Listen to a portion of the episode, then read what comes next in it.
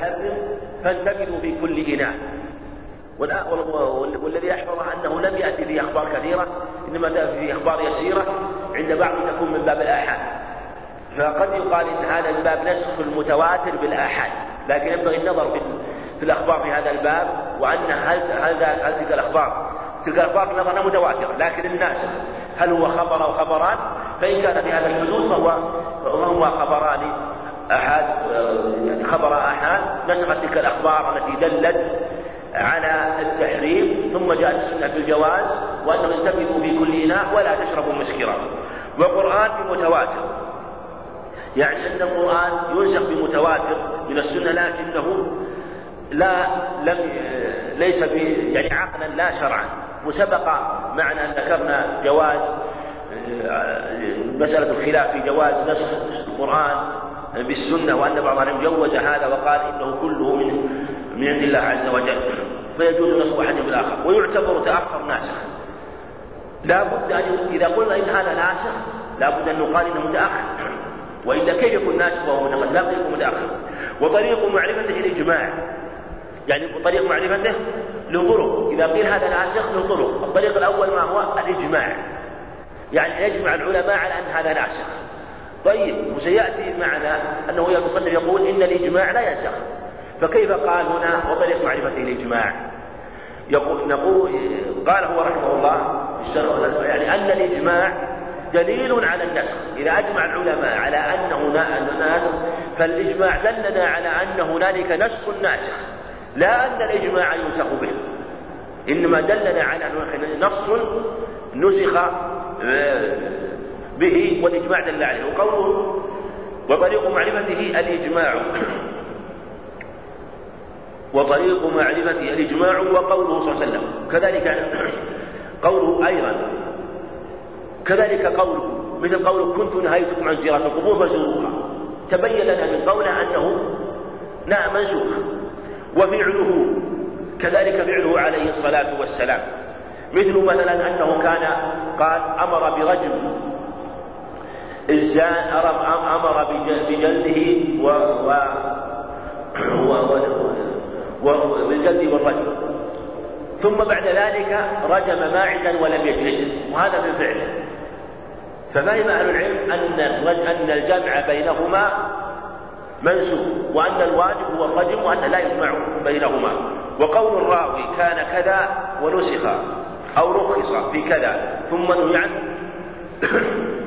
ونحوهما كذلك إذا قال الراوي نسخ كذا بكذا كان كذا ونسخ كذا بكذا. هذا مثل قول هذا من سنته أو كنا نفعل. فكذلك إذا نقل ناسخ يكون حجة معتمد أنه ناسخ. لا في الآية يعني لا قوله هذه الآية ناسخة لأن هذا يحتمل الاجتهاد. وقال بعض العلماء قول الصحابي هذه الآية ناسخة يعتمد لأنه لا يقوله إلا بعد التحقق. وبعد العلم وليس فيه الاجتهاد مسرح لكن هذا ما ينبغي النظر فيه. فإن كان دل مساق الخبر أنه آه، أنه عن اجتهاد فيتوقف فيه. وإن ساقها مساق الاحتجاج وأن الآية مثلا نزلت تلك الآية ثم نسختها تلك الآية مما يدل صريحا على النسخ فإنه يعتمد. أو الخبر منسوخ حتى يبين الناسخ. ولا نسخ بقبلية في مصحف. كذلك لا نسخ بقبل المصحف لأن العبرة لأن هذا حسب ترتيب. لأن العبرة بترتيب النزول. بترتيب النزول. و وهذه الرسول عليه يقول أضعوا آية كذا وفي كذا. فترتيب فالقبل في المصحف لا تدل على على آه، على أنه على أن المتقدم منسوخ وعلى أن المتأخر ناسخ. إنما الترتيب في النزول لا بالقبل في المصحف ولهذا آية الاعتداد في أربعة أشهر وعشرة وإن كانت متقدمة فهي ناسخة لآية الحول وإن كانت متأخرة عنها في المصحف.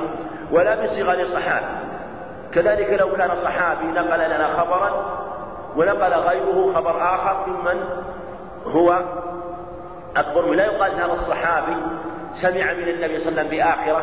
وسماعه متأخر لأنه صغير. لا هذا لا يكفي لأنه قد يسمع من غيره من كان تقدم أو تأخر إسلامه. كذلك الصحابي لو تأخر إسلام لا يقال إن تأخر إسلام يدل على أن هذا الخبر هو المتأخر. فلو جاء لو كان عندنا خبران أحدهما روى خبر صحابي متقدم إسلام والآخر متأخر إسلامه وتعارض عندنا في الظاهر فلا نجعل مجرد التأخر الإسلام يكون ناسخا لا قد يكون أخذه في حال كفره. وقد يكون أخذه عن غيره ممن تقدم إسلامه قبل ذلك. فلهذا لا يعتبر ولا بموافقة أصل. كذلك لو كان الذي الحديث الذي رواه هذا الصحابي مثلا موافقا للأصل مثل قوله إنما هو بضعة منك في في الذكر. إنما هو بضعة منك. هذا باق عن الأصل لأن الأصل عدم النقل وفي قوله عليه السلام من مس ذكره فليتوضأ.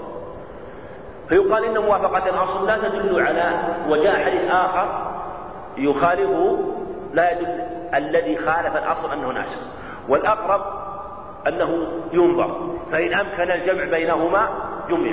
وإلا كان الذي نقل هو الناسخ والذي على الأصل هو المنسوخ لأن الذي على الأصل مبق على الأصل. والناقل ناقل الأصل والقاعدة تقديم النقل لأن الشريعة جاءت بالنقل وجاءت بالتشريع وجاءت بالتأسيس لا جاء. فإذا جاءنا دليل دل على النقل عن الأصل فهو العمدة وهو الأصل. فلهذا إذا لم يمكن الجمع بينهما فنقول إن الناقل عن الأصل ناسخ للمبقي على الأصل. ولا بعقل كذلك النسخ لو قال لو نظر إنسان بين الخبرين قال هذا الخبر منسوخ. قال لماذا؟ قال والله يظهر لي ويتبين لي من هذا الخبر أنه منسوخ. بعقله واجتهاد يقول لا مجال لاجتهاد هذا. النسخ مبني على التقدم والتأخر. المتأخر ناسخ والمتقدم منسوخ. هذا لا مجال العقل فيه ولا مجال القياس فيه. لا مجال العقل في هذا بل عبر العبرة على النقل يعرف المتأخر فهو الناسخ والمتقدم والمنسوخ. ولا ينسخ إجماع ولا ينسخ به. كذلك الإجماع لا ينسخ لأن الإجماع متى يكون؟ في عهد الرسول عليه ولا بعده؟ بعد عهده عليه الصلاة والسلام. ولو قلنا إن هذا الإجماع منسوخ وش نسخه؟ الإجماع لا النسخ لا يكون إلا بنص. فلو قيل إن الإجماع هذا منسوخ استلزم أن يوجد نص بعد حياة النبي عليه الصلاة والسلام. وهذا لا يجوز لأنه لا نص بعد لا تشريع بعده. لأنه يلزم أن يكون النص متأخر عن الإجماع والإجماع متأخر عن حياته عليه الصلاة والسلام. فيلزم منه أن يكون هذا النص المزعوم حادثا بعد وفاته عليه الصلاة والسلام. فإذا الإجماع لا يمكن أن ينسخ لأنه لا يكون إلا بعد وفاته عليه السلام ولو قيل إن الإجماع منسوخ لاستلزم وجود نص بعد وفاته وهذا باطل في الشريعة. ولا ينسخ به أيضا. الإجماع لو قال إنسان هذا منسوخ بالإجماع. وهذا يقع في عبارة كثيرين من العلم. يقولون إنه جماعة يقول هذا منسوخ بالإجماع. هم يريدون هم يقولون وحين المصنفون يقولون الإجماع بعضهم يقول الإجماع دل عليه.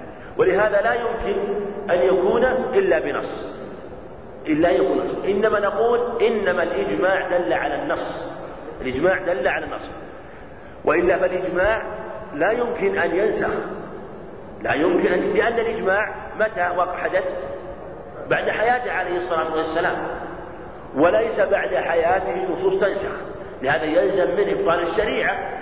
إنما يقال النص دل الإجماع دل على وجود النص الناسخ. وهذا ينفع كثيرا طالب العلم في كثير من الإجماعات التي تدعى والتي تذكر في كثير من الأبواب يقال هذا إجماع. ثم يأتي خبر من الأخبار يخالف الإجماع. فيحتاط على العلم. يقول الآن هذا الخبر صح عن النبي عليه الصلاة والسلام. وقيل إن فيه إجماع. هل نقول إن الإجماع يعارض النص؟ نقول لا الإجماع لا يعارض النص. فانظر إما أن يكون الخطأ من جهة النص الذي نظرت فيه. فهو إما خطأ من جهة نظرك أنت في في فهمك له أو من جهة أنه لم يثبت سند. الخطأ في النظر في هذا النص وهو إما أنه لم يثبت سنده أو أن الاستنباط الذي أو أنه لم يدل على المعنى الذي عرض به الإجماع. أو أن الإجماع لم يثبت أصلا. أو الإجماع ولهذا قال أحمد رحمه الله يدعي الإجماع فقد كذب ولهذا تجد كثيرا من النصوص التي تذكر وهي صحيحة ويدعي الإجماع على خلافة يكون المسألة ليس فيها إجماع. ولهذا إذا ورد عندنا نص وعندنا قول قال به جميع العلم أو قيل إنه إجماع على العلم ولم يثبت هذا الإجماع في شيء قاطع والنص معارض له غاية ما يكون عندك دليلان متعارضان. فلا تستعجل في إبطال في إبطال هذا النص بالإجماع ولا في إبطال الإجماع بالنص بل انظر وتأمل فلعل الإجماع في خطأ أو لعل في المسألة فيكون في المسألة خلاف.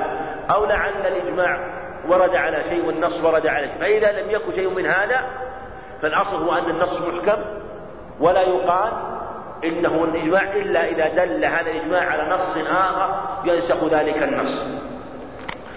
ويجوز النسخ بالفحوى ويجوز النسخ بالفحوى معنى أن الفحوى أن يكون دلالة الأولى مثل قل ولا تقل لهما أف فلا تقل لهما أف. الضرب أعظم من التأثير النسخ بالفحوى يعني النسخ بفحوى النص. هم لم يذكروا عليه دليل وذكر وبعضهم ذكر عليه دليل مثلا مثل قوله عليه الصلاة والسلام لي الواجد يحل عرضه وعقوبته. هذا العموم لو فرض أنه نزل قبل قوله تعالى فلا تقل لهما أف. هذا العموم ألا يدخل فيه الوالد؟ لي الواجد.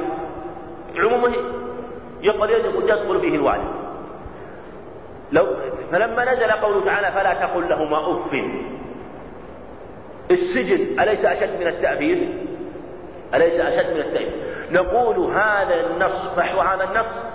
تنسخ ينسخ عموم ذلك النص وهو قول لي الواجب يحل ينسخ كونه ينسخ كونه يريد أن يأخذ أبيه بالسجن. نقول لا يجوز لك لأن الله يقول ولا تقل لهم أف فسجنه أشد من التعبير فنقول إنه لكن هذا في الحقيقة ليس من باب النسخ من باب تخصيص العام. ونسخ أصل الفحوى دون عكس. كذلك يقولون ينسخ أصل الفحوى دون عكس. وهم ضربوا عليه ليس عندهم يظهر الله أنه ليس عندهم إلا هذا المثال اليتيم بقول ولا تقل لهما أف فلا تقل لهما أف يعني يجوز نسخ أصل يجوز نسخ أصل الفحوى أصل الفحوى عندنا فلا تقل لهما أف الفحوى ما هو؟ وهو الإيذاء بالضرب أليس كذلك؟ أشد من التأفيف السب والضرب صحيح؟ أصل أصل الفحوى ما هو؟ أصل الفحوى ما هو؟ التأبيب النص وش ورد به؟ فلا تقل لهم هذا نص الفحوى ما هي؟ ما هو أشد من التأويل الفحوى ما هو أولى يسمى مفهوم الموافقة هو الفحوى يقول ونسخ أصل الفحوى يعني يجوز يقولون أن الله يقول أجزت الإيذاء بما هو فوق التأثير والتأثير حرام. هذا معناه. وعكسه معنى أنه يقول حرمت التأبيث بمعنى أن الفحوى ثابتة آه، دون عكسه. دون يعني حرمت التأبيد وهو الأصل دون العكس وهو التأبيد وقال بعض العلم إن هذا لا يصح بل إذا نسخ أحدهما تبعه الآخر لأنه إذا نسخ الأصل تبعه فهو وحكم مفهوم المخالفة إن ثبت.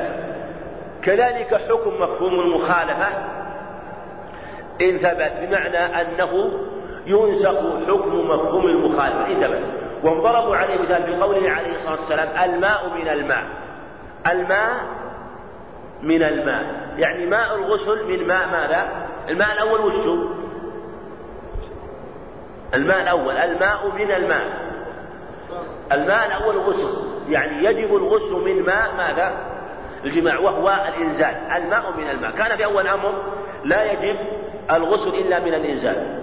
الماء من الماء. ثم ثبت الخبر نسخ أنه عليه الصلاة والسلام قال وإن لم ينزل قالوا إذا جلس بين شعب أربع وجحدها فقد وجب الغسل يعني يجب الغسل بمجرد الجماع وإن لم يحصل إنزال طيب مفهوم قول الماء من الماء أنه لو جامع مفهوم المخالفة لو جامع ولو لم ينزل فيه الغسل ولا ما فيه الغسل؟ ما فيه غسل هذا مفهوم المخالفة طيب مفهوم المخالفة هذا هل هو منسوخ ولا ما نسخ؟ وش نسخ بماذا؟ بقول عليه السلام إذا جلس بين شعب الأضلاع طيب أصله وهو الماء منسوخ ولا ما نسخ؟ الماء من الماء منسوخ ولا ما نسخ؟ ما نسخ بالإجماع. لأن الماء من الماء إنما الماء من الماء ثابت يعني أنه لو أنزل وجب الغسل سواء كان بجماع أو بدون جماع. لكن نسخ ما لا مفهومه. ولهذا قال وحكمه إن ثبت يعني استقر. وهذا قد استقر يوم ثبت ونسخ. ويبطل بنسخ أصله ولا ينسخ به. يعني أن مفهوم المخالفة إذا نسخ قال ويبطل يعني لو نسخ مثل الماء من الماء تبعه مفهوم المخالفة. ولا ينسخ به مفهوم المخالفة قيل إن مفهوم المخالفة لا ينسخ به. وقيل إنه ينسخ كما أن كما أن الفحوى ينسخ به. فإن ولا حكم للناسخ مع جبريل مع جبريل عليه السلام اتفاقا. وجود الناسخ مع جبريل لا حكم له لأنه لم يصل إلى لم يصل إلى المكلفين. فإن بلغ فإذا بلغه لم يثبت حكمه في حق من لم يبلغه. كذلك لم يثبت حكم في حق من لم يبلغه لأن لم لا تثبت الشريعة إلا لا تثبت الشريعة إلا بعد البلوغ. ولهذا أهل القباء لم يعيدوا صلاتهم بل بل بنوا ولم يستأنفوا. مع أن مع أنه قد نزل قبل لكن مع ذلك لم يستأنفوا. بل ما ثبت الحكم في إلا بعد البلوغ وهذا فيه خلاف. قيل إنه يثبت قبل البلوغ وقيل لا يثبت إلا بعد البلوغ وقيل فرق بين الخطاب المبتدأ والخطاب الناسخ خطاب المبتدأ والخطاب الناسخ والصحيح أنه لا فرق ولا لا يثبت إلا بعد البلوغ. وليست زيادة جزء جزء مشترك أو شرط زيادة ترفع مفهوم المخالفة هذا رد الأحناف أنه لو كان عندنا عبادة وزيد فيها شرط فيها زيد فيها جزء أو شرط جعل في هذه العبادة اشترط فيها شرط أو زيد فيها جزء فلا نقول إن العبادة منسوخة بل هذا زيادة عليها وليس ناسخا. أو زيادة عبادة مستقلة من الجنس أو غير نسخا كذلك لو أنه زاد أوجب علينا صلاة ثم زادنا صلاة أخرى. فإن هذه الزيادة لو كانت الصلاة زيادة صلاة سادسة ما تكون زيادة الصلاة ناسخة لما قبل لا بل هي زيادة تقريرية وتكون ثابتة مع ما قبلها. كذلك لو كان من غير الجنس أوجب صلاة ثم أوجب صوما فإنه لا ينسخ به. من الجنس أو غير نسخ ونسخ جزء أو ونسخ جزء أو شرط أو شرط عبادة الله فقط كذلك لو أنه كان عندنا عبادة ثابتة ثم نسخ منها جزء. لو أنه كان عبادة مثلا أربع ركعات ثم نسخ منها ركوع أو سجود لا يكون نسخا لها. نقول ثابت العبادة وهذا الجزء المنسوخ هو الذي ينسخ وحده وما سواها ثابت أو نسخ مثلا شرط نسخ مثلا شرط استقبال القبلة أو غيرها فالنسخ يكون لهذا الجزء دون ما اشترط له والله أعلم. قال المصنف رحمه الله تعالى فصل يستحيل تحريم معرفة الله تعالى. هذا تابع لباب النسخ. وهذا مثل ما قال يستحيل تحريم معرفة الله لأن معرفة لأن نسخها أو تحريم معرفة الله بعد العلم بالله. وإذا علم بالله وكان علما كيف يقال له؟ يقال له يحكم عليك أن تعرف الله. هذا تكليم بالمحال. وهم يذكرون مثل هذا وهو أمر واضح من جهة بيان أنه يعني مستحيل من جهة العلم كما أنه من جهة الشرع غير واقع وما حسن أو قبح لذاته يجوز نصب وجوبه. يعني إذا كان الشيء حسن أو قبيح لذاته ينسخ يجوز نسخ اعتقاد وجوبه وأنه ليس واجبا. مثلا مثلا حسن الصدق قبح الكذب هذا أمر معلوم مفطرت على الناس. لو أنه نسخ وجوبه وأنه ليس واجبا لكن حسنه معلوم وأنه من الأمور المعلومة المشروعة يقول جائز. من جهة أنه ليس بواجب اعتقاد وجوب الصدق أو تحريم الكذب آه، ووجوب الصدق. لكن نسخ وجوب تحريمه كذلك إذا كان الشيء قبيحا قبيحا مثل الكفر. هل يجوز نسخ تحريمه وأنه نقول إن الكفر كفر يعتقد عدم تحريمه وأن هذه القبائح لذلك يعتقد تحريمها على قاعدة الحديث الذين يقولون إن الأشياء فيها حسن لذاتها وإن لم يأتي الشرع إنما جاء الشرع مبينا وكاشفا مبينا لهذه الأشياء وزادها حسنا وبين مثلا إذا كان الشيء مثلا حسنا بين وجوب مثلا مثل الصدق حسن بين وجوب الصدق الكذب قبيح بين وجوب الكذب. وإن كان مستقرا في الفطر في كفر هذا الشيء. فلا يجوز نسخ تحريم هذه الأشياء لأن الفطر اعتقدت وتبين لها تحريم هذه الأشياء وفطرت عليها فكيف يقال إن تحريمها ينسخ؟ إنما هو على أصول المعتزلة الذين يقول لا حسن ولا قبيح. كذلك يجوز نسخ جميع التكاليف سوى معرفة تعالى ولم يقع إجماعا يعني لم تقع. يعني لو أنه جاء لو قيل إن الشارع نسخ جميع التكاليف. هذا من جهة الجواز العقلي جائز من جهة أن يسلب عقل وأنه مثلا لا يكلم بهذه الأشياء لكنه من جهة الجواز الشرعي لم يقع إجماعا كما ذكر مصنف رحمه الله. ثم ذكر مصنف باب القياس وباب القياس هو في الحقيقة أصول الفقه. وهو الذي عليه مدار مسائل الفقه وهو الحقيقة هو أصول الفقه. هو هو هو أصول الفقه. وفيه المعترك وفيه تكون المسائل. وأصول الفقه في الحقيقة أيضا مسائله يكون أو أكثر مسائل. معترف حقيقة في مسلك واحد وهو مسلك المناسبة في مسالك العلة. هو هو المعترك بين الأصوليين في أصول الفقه. مسلك المناسبة لأن العلل لها مسالك معرفة العلل. عدة مسالك الإجماع والنص. وذكروا منها مسلك المناسبة أو الإخالة يعني معرفة. وهذا هو أعظم هو هو الذي فيه الخلاف والنزاع لأنه يكون بالاستنباط والنظر. ويختلف العلماء هل هذا معلل أو ليس معلل. فلهذا قلنا إن القياس هو لب أصول الفقه وعليه أصول الفقه وأن مسلك المناسبة هو لب هذا اللب. قال القياس لغة التقدير والمساواة. له معنيان. التقدير والمساواة. القياس إن قاس أقيس قوسا وقيسا. يقيس قوسا وقياسا. فهو فعله آه، واويا ويائيا.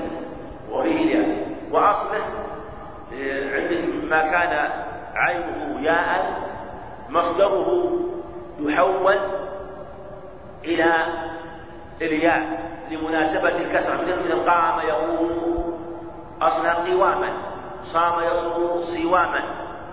لكن لثقل الواو بعد الكسرة والكسرة يناسبها نقول صام يصوم صياما قام يقوم قياما قاس يقوس يقوس يقيس قياسا. أو يقاس يقيس آه، قوسا وقياسا.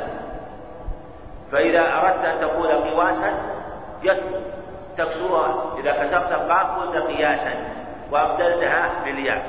لغة للتقدير. تقول ومنه يقال قدرت هذا بالشيء إذا ساويته به. التقدير والمساواة. هذا هو القياس في اللغة. معناها التقدير والمساواة.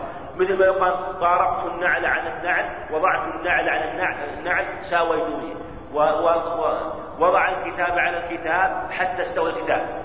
قاس الكتاب بالكتاب سواه به مثلا قاس الشيء بالشيء سواه به فهو القياس والمساواة من جهة اللغة. وشرعا تسوية فرع بأصل في حكم من باب تخصيص الشيء بعض المسميات. هو في الحقيقة معنى القياس يشمل المساواة. هذا معنى القياس في المساواة في كل شيء. في إلحاق الفرع بالأصل وفي المساواة في كل شيء. إذا قست شيء بشيء تقيس الجدار تقيس الكتاب تقيس الثوب كل شيء تقاس يسمى قياس. لكن هنا عندنا شرعا معناه تسوية فرع بأصل. تسوي الفرع بالأصل.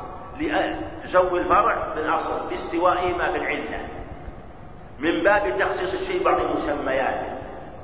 لماذا قلنا؟ وش معنى تخصيص؟ خصصناه بالفرع والأصل. ولم نعممه فأخذنا مسمى واحدا في اللغة وجعلناه خاصا بباب القياس. وإلا هو باللغة شامل لتسوية الفرع بالأصل وشامل لغيره. وهو من باب يعني باب التخصيص العرفي. خصصته بهذا الشيء لأنه عرف عند آه، الأصوليين يعني. واصطلاحا حسب اصطلاح الأصوليين ما معنى رد فرع إلى أصل بعلة جامعة. عندنا فرع وعندنا أصل وعندنا علة وسيأتي. جامعة هذا هو معناه مثلا إذا أردنا أن نقيس إذا أردنا أن نقيس مثلا الرز على البر. قلنا وش علة تحريم الربا؟ وش علة تحريم الربا؟ قيل الكي أو الطعم أو القوت كل على علة. جاءنا ذكر القمح. العلماء أجوا على أنه العلة. ما هي هذه العلة؟ اختلفوا فيها. من قال إن العلة الكي الرز يكال. ليس مذكورا. ليس مذكورا مثلا. وسائل الحبوب الأخرى ليست مذكورة إذا نقول هذا الحب هذا الرز فرع. والقمح يصير؟ أصل. الكيل يصير؟ علة. الحكم ما هو؟ التحريم كما سيأتينا. إذا رددنا هذا الحب أو الرز إلى وهو الفرع إلى الأصل وهو القمح. والعلة ما هي؟ الكيل. عند من قال إن الكيل. أو الطعم. عند من قال إن العلة الطعم. أو القوت. عند من قال إن العلة القوت. فلهذا من قال إن العنقود قال مثلا التفاح. مثلا الرمان.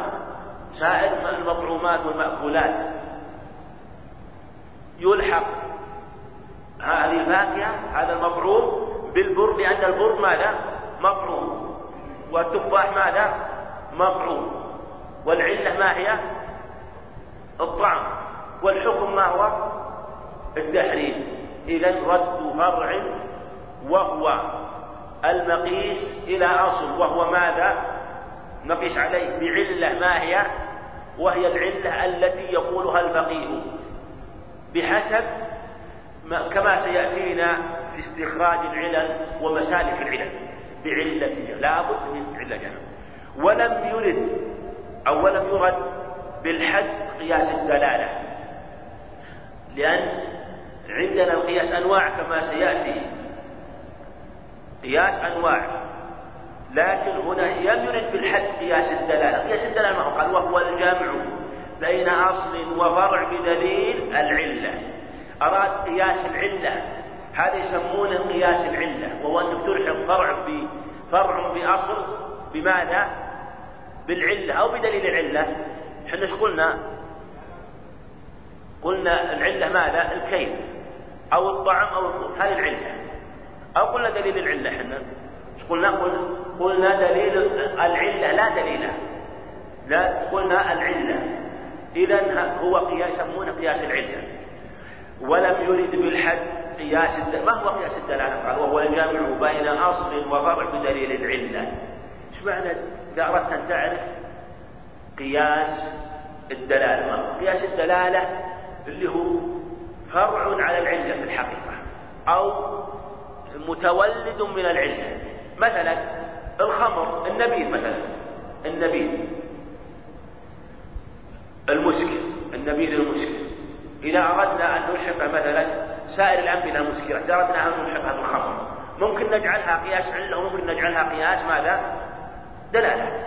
نبي نجعلها مثلا قياس علة حتى تتضح الخمر محرم ولا لا؟ وش العلة فيه؟ الإسكار العلة فيه الإسكار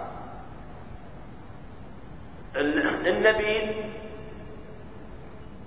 وهو أصل. النبيذ فرع مثلا.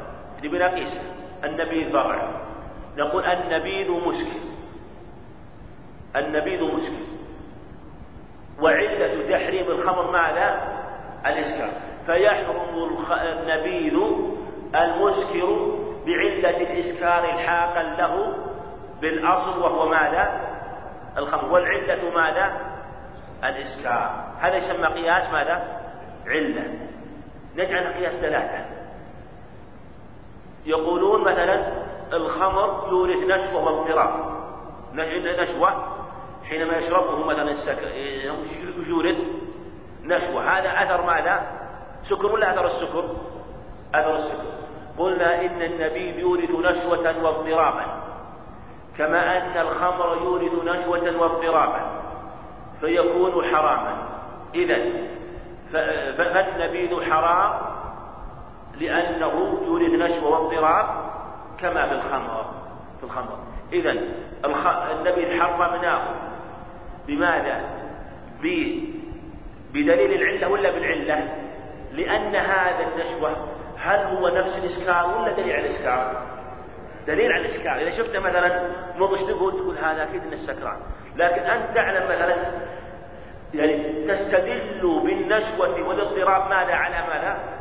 على السكر فهو دليل للعلة، إذا هذا هو يسمونه قياس قياس قياس قياس الدلالة دلالة العلة.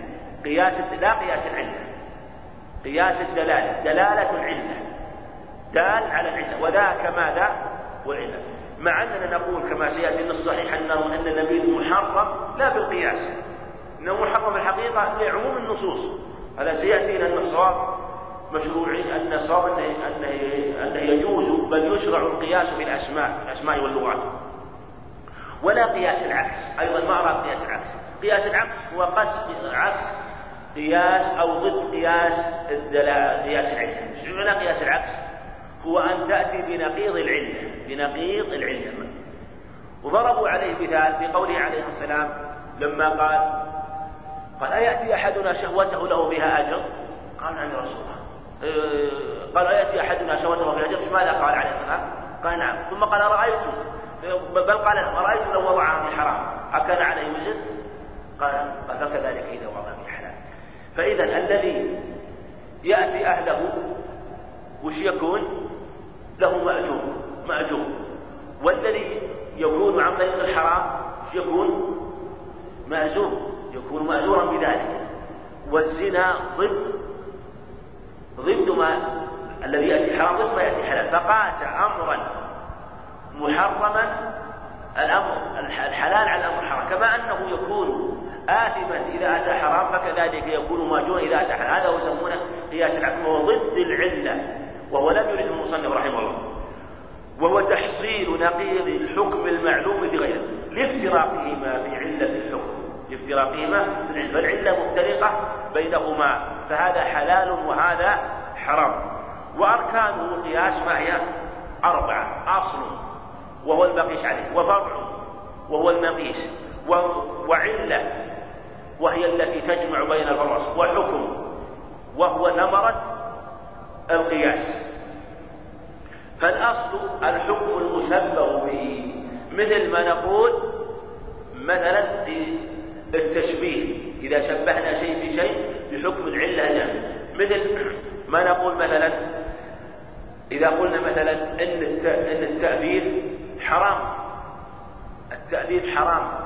السب حرام من باب أولى. وهذا يشمل كما قلنا القياس. الأولوي والقياس المساوي. فالأصل هو التأديب وذاك السب أو الإيذاء بغيره هو الفرع. والعلة هي الإيذاء والحكم هو التحريم. مثلا البر هو الأصل. الدخن مثلا أو الذرة هو الفرع. العلة ماذا؟ هي الكيل الحكم والتحريم. الحكم والأصل محل الحكم المشبه به. وهو مثلا البر في مسألة تحريم الذرة عليها. والفرع وهو مثلا الذرة وهي المحل المشبه والعلة هي الكيل. عند من قال إن العلة هي الكيل. فرع للأصل. العلة فرع لماذا؟ العلة فرع الأصل لأننا استنبطنا العلة من ماذا؟ من الأصل. فالعلة مثلا في تحريم الربا الكيل. فتكون فرعا عليه. وفي غيره من المعلات مما يعلم. وأصل للفرع. لماذا؟ لماذا كان أصل الفرع؟ لأننا ألحقنا الفرع بأصله بهذه العلة لوجود العلة في الفرع. فكانت أصلا له بالحق. فالعلة فرع للأصل وأصل للفرع. لأننا لم نلحق الفرع بالأصل إلا لوجود العلة فيه. فلما وجد وجد علة الفرع قادته إلى التحريم وحكم قادته إلى حكم الأصل وحكم عليه بما حكم على الأصل. بما حكم على الأصل. والحكم المعلل الحكم الذي يكون هو التحريم أو غيره هو الذي عللنا به. وشرط حكم الأصل كونه شرعيا استلحق شرعيا. دخل في حكم الأصل هذه مسألة شرط حكم الأصل كونه شرعيا استلحق شرعيا هذه مبنية يقولون إنه لا قياس في اللغات. لا قياس في اللغات يقولون. ويشترط في حكم الأصل أن يكون شرعيا. فلو كان الأصل لغويا فلا يكون قياسا. مثلا عندنا مثلا في المسألة الأولى قلنا علة تحريم الخمر؟ كونه خمر خامر العقول. يغول العقول. سمي خمرة مخامرة النبي أليس يخامر العقل؟ طيب.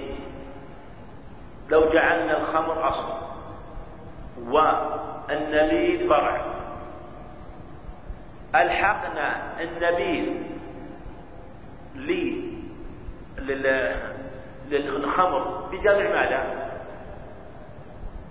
بجمع ماذا؟ هل هنا هل عندنا ولا ألحقناه باسم عام شامل له وللفرع؟ ألحقناه بمسمى المخامرة والمخامرة اسم يشمل النبيذ ويشمل الخمر فهذا يقول يسمى قياس يسمى قياس باللغة واللغة لا قياس فيها يقولون نقول إن علة التحريم في النبيذ الإسكار ما نقول لأنه خمر؟ لا ما سمي خمر يقولون.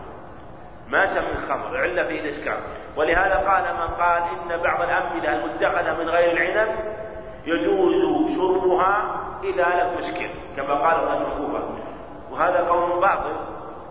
ولهذا قلنا أن الصواب أنه يجوز القياس في اللغات لكن في الحقيقة وإن سميته قياسا وإن سميته قياسا لكن نقول نحن دخل في مسمى الاسم العام فحكم النبي حكم الخمر لا من باب القياس من باب النص. فكأنه حينما حرم الخمر دخل كل مسكر الخمر يدخل في نبيذ العنب ونبيذ التمر ونبيذ الذرة وجميع الأمثلة سواء كان من عنب ولا غيره لأن الخمر ما خامر عقل ليس خاصا بالعنب.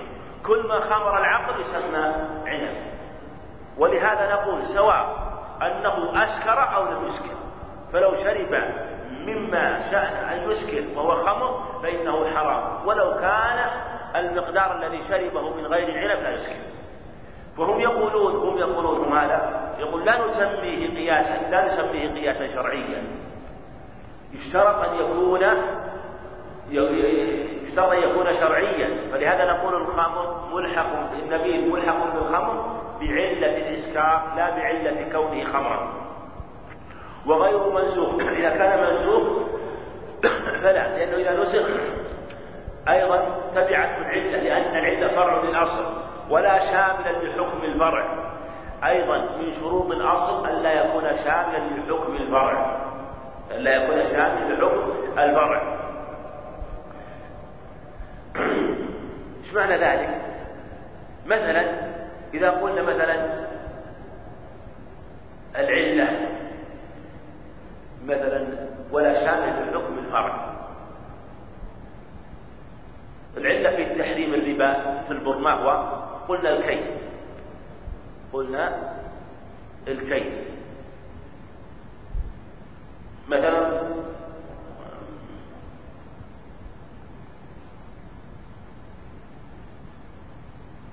مثلا لو قيل علها الطعم لو قيل علها الطعم العلة الطعم مثلا حتى يكون أوقع قال قالوا البر حرام البر حرام آه، يجري فيه الربا لأنه موضوع هذا واضح ورد فيه النص ورد فيه النص ورد فيه النص قالوا مثلا يلحق به يلحق مثلا به اللحم مطعوم يلحق به مثلا التفاح مطعوم قالوا نقيس التفاح على اللحم واللحم نقيسه على المر نقيسه على المر ونقول إنه محرم نقول أنت في أن لا تقيس التفاح على المر بل أدخله في المسمى العام ومسمى الطعام لأنه شامل له وشامل لسائر المطعومات شامل له ولسائر المطعومات فإذا كان شاملا لحكم الفرع شامل لحكم الفرع فإنه لا يكون قياسا بل يكون ملحقا بالأصل مثل مثلا النبيذ مثلا مثال آخر مثلا النبيذ. هل نقول محرم بالقياس على الخمر أو نقول محرم بدلالة النص؟ إذا قلنا على القول الصحيح أن الخمر حرام هم يقولون مثلا يقولون العلة الإسكار مثلا. فيكون والنبيذ مسكر والخمر مسكر فالنبيذ محرم قياسا على ماذا؟ الخمر. نقول نحن لا. دليل النص أو النص شامل لحكم الفرع الذي ادعيته فنقول إن النبيذ من سائر ما ينتبذ حرام بدلالة النص لأنه داخل في عموم النصوص فهو في الحقيقة أصل من الأصول فهو يقاس عليه لا يقاس بغيره. هذا واضح لا. فنقول إن النبيذ حرام بدلالة النصوص لا بقياسه على الخمر فإذا كان النص شاملا له فلا يقاس على غيره بل يلحق آه، بالنص ويكون داخلا في عموم النص. نقف على قوله ولا معلوم عن سنة عن وقياس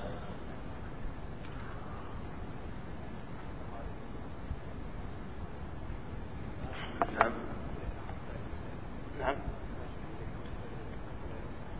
والله إذا كان محتاج ولم يحصل له شيء يعني باستحقاق ما يحصل له شيء فالحين ضرورة يعني يعطى يعطى من أموال من أموال يستغرق وهي الزكاة وإلا من الزكاة من زكاة هاشمي أو غيره.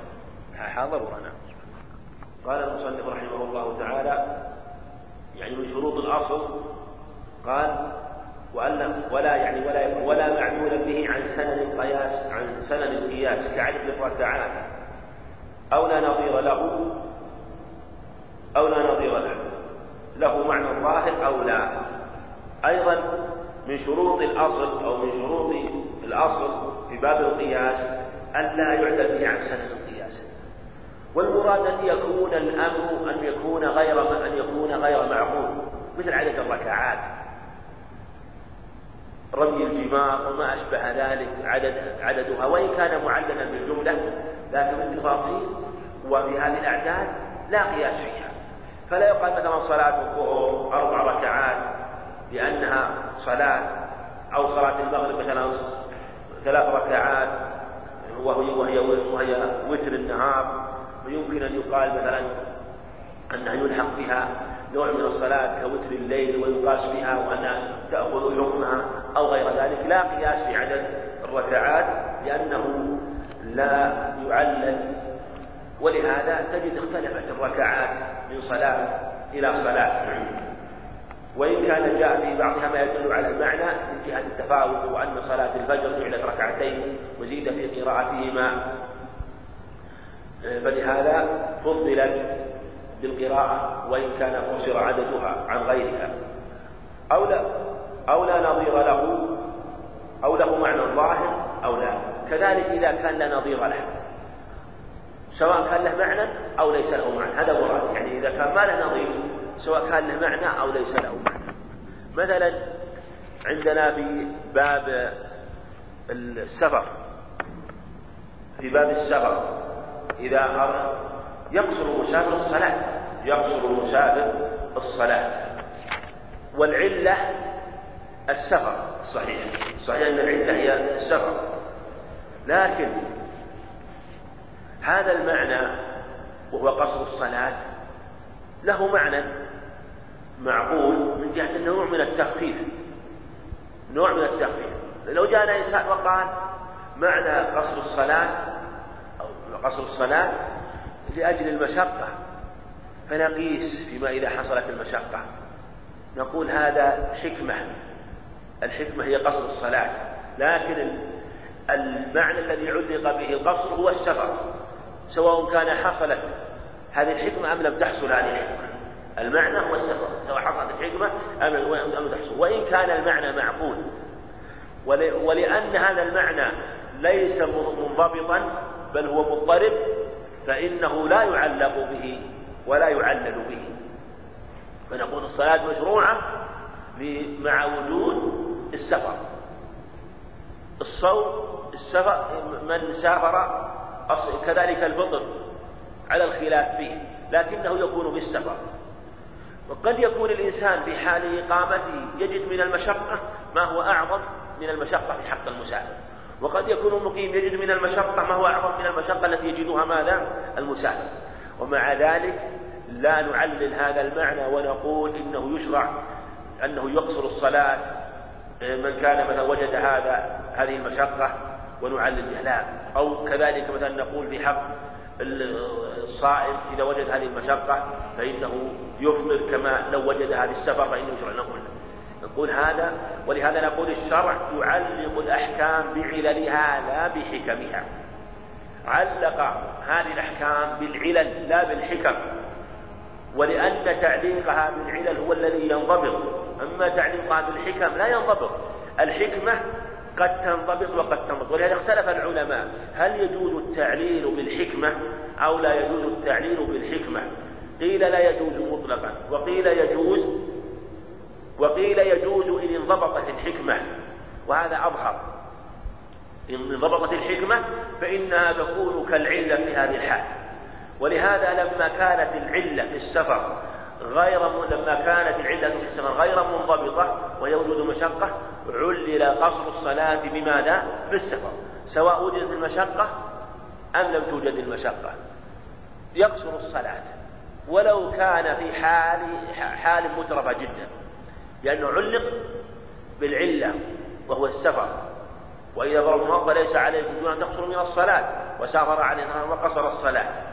الجمع لم يعلق بالسفر. ما علق بالسفر الجمع. الجمع علق بوجود المشقة. ولأن المشقة فيه منضبطة فإنه متى ما وجد المشقة حصل وإذا لم توجد وإن كان يجوز القصر جمع وإن كان يجوز لكن نقول خلاف السنة لو جمع في حال استقرار تجده على في سفره نقلوا الأخبار وقالوا إنه لم ما ذكروا يجمع ذكروا يقصر ما قالوا يجمع. إنما قالوا هل قالوا يجمع؟ ما قالوا يجمع. إنما قالوا يجمع إذا كان على ظهر سير قيد حديث ابن بن عباس حديث ابن عمر قال إذا جد به السير فهم مفهوم المخالفة أنه لم يكن يجمع. دائما بل كان يجمع في أحوال ولهذا في البيع مثلا الحكمة من العقد والتراضي. تراضي. ولما كان التراضي أمرا ظاهرا جاز تعليق البيع به بأي صيغة كانت. وإن لم تكن صيغة قولية على الصحيح.